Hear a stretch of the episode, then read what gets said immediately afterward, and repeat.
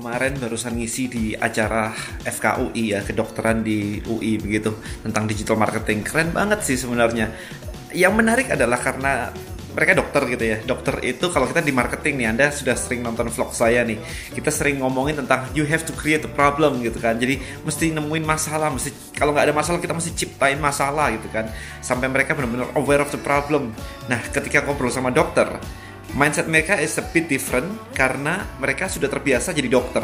Jadi dokter itu enak banget. Kenapa? Karena orang yang datang itu sudah bermasalah semua. Karena kalau anda nggak punya masalah kesehatan, anda nggak datang ke dokter kan. Jadi mindset mereka itu nggak terbiasa untuk menciptakan masalah. Karena ya orang datang semua ada sakitnya. Tinggal mereka harus ngobatin pakai cara ini, cara itu gitu. Jadi uh, it's a bit uh, mind shift ya sebenarnya ya. Tapi menarik juga bahwa sekarang juga dokter mereka pengen masuk ke dunia digital. Memang ada peraturan-peraturan atau aturan khusus di kedokteran bahwa mereka nggak boleh yang namanya ngiklan, jualan, hard sell dan sebagainya tentang profesi mereka.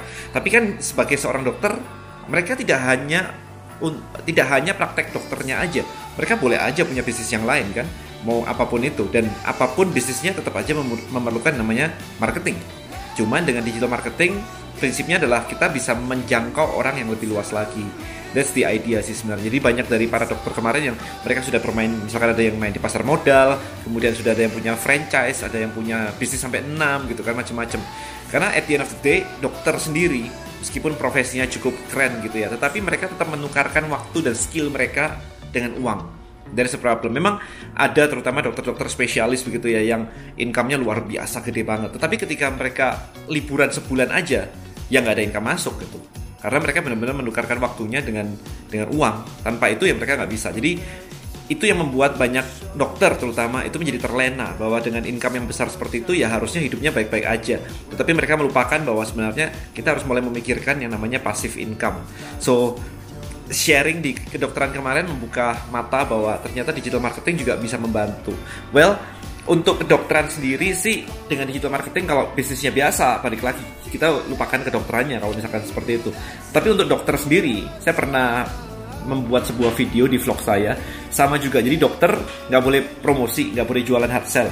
Tetapi yang bisa anda lakukan adalah anda bisa mengedukasi market anda. Di semua bisnis dibutuhkan edukasi baru jualan kan Nah, pikirkan kayak begini aja. Anda tahu di US sana ada namanya Dr. Oz. Di Indonesia juga kemarin ada Dr. Oz Indonesia. Di US si Dr. Oz kalau misalkan Anda bisa membuat authority Anda seperti itu, basically sih income Anda akan luar biasa banget meskipun Anda menjadi seorang dokter. Meskipun Anda sama-sama ngobatin penyakit yang sama, maka charge Anda juga bisa menjadi lebih tinggi banget. Jadi menjadi seorang messenger, menjadi seorang attractive karakter, menjadi seorang you know icon personal branding yang dibangun dengan kuat, itu akan sangat membantu apa pun bisnis Anda. Sebenarnya itu. Jadi seru banget kemarin sharing-sharing dengan dokter seperti itu. So hopefully kalau misalkan Anda dokter atau Anda punya kenalan yang dokter juga, tonton video ini. Kemudian mulailah belajar meleverage yang namanya digital marketing. So hopefully bisnis Anda bisa bisa grow. Thank you so much. Bye bye.